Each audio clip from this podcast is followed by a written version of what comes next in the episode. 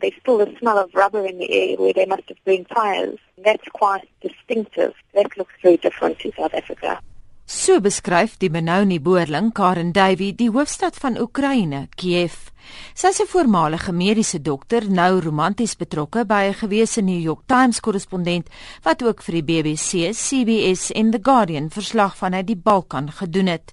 Nicholas Wood het in 2009 egter sy journalistieke loopbaan verruil vir 'n nuwe werk wat darm raakpunte het met sy vorige nering. I really loved my job, and I also found that when family and friends came to visit, they were fascinated by things around them. And I always thought that the idea of going to places on holiday and ignoring the reality around you and just perhaps going to museums was an odd way to travel. Dit beteken nie dat Wood se maatskappy Political Tours konflik as noodsaaklike kriterium vir die soort avontuurgeskoede toerisme beskou nie. We don't actually just do places that have been through conflict. I mean, our aim is to try and work almost like a newspaper or a magazine and give people access and understanding of the big issues in current affairs themselves so they can actually go to the situation and assess it for themselves. Van Libië tot Skotland, Griekeland en Turkye, die plekke bied die belese en bereese toerist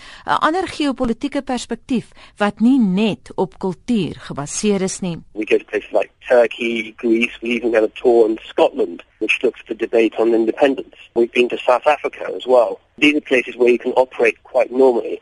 We're here now in Ukraine, and actually, I'd say in Ukraine things have been very easy to set up. For the most part, people are getting on with their lives. We won't go to a place where there's an active conflict going on, so we wouldn't take people to Afghanistan or Iraq. Woods se Suid-Afrikaanse vriendin van Benoni, Karen Davey, wat haar stetoskoop verhuil het vir die organisering van die toere, sê dis die spesiale teikenmark wat haar nuwe beroep opwindend maak, want die soort toeriste se profiel lyk heel anders. I've never been on a tour with another South African. I've been the only South African. But there's been lots of New Zealanders, Australians, people from the States, some from Singapore, a few from the UK. You meet such interesting people from a variety of backgrounds. It's almost as interesting the people that are touring with you as to the experts you're meeting in the country. Boonop neem die toeriste vir wie die benaming reisigers dalk beter sou pas, hulle toere baie ernstig op. they come and almost as if they're prepared for an exam, and this is their exam when they travel through life and learn about it firsthand. Diplomate, akademici, medici en selfs 'n kaasmaker het al kom saamreis na die gebiede wat Nicholas Wood met soveel moeite uitsoek. Die toergroepe wat uit tussen 5 en 10 mense bestaan, kry die kans om blad te skud met en vrae te stel aan die plaaslike politici, joernaliste asook Jan en San Alleman. If you don't know the price of bread in the country, how do you know what's going on? That was very much my feeling when I was a journalist, that sometimes you'd have delegations coming into a country and they go and see the embassy and then they go and see the prime minister and then how much would they really know about the place? So we try and strike a balance between the two, getting people's boots dirty, but also actually giving them access to the people who are taking the decisions. Van dese week beweeg Nicholas Wood se toergroep oor Oekraïne oos na die Russiese grens om te gaan gesels met etniese Russe.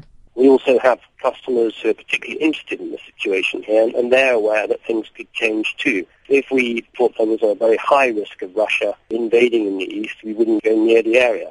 Die 40-jarige Karen Davey sê sy was nog nooit spyt dat sy 'n kans gevat het met 'n nuwe loopbaan nie. very interesting, very different to what I've been doing, but I've got to see quite a bit of the world in a very different way, including South Africa. I was on the South African tour in January, and it was very interesting to see my own country from such a different perspective and to meet such interesting people in South Africa that I wouldn't normally have access to.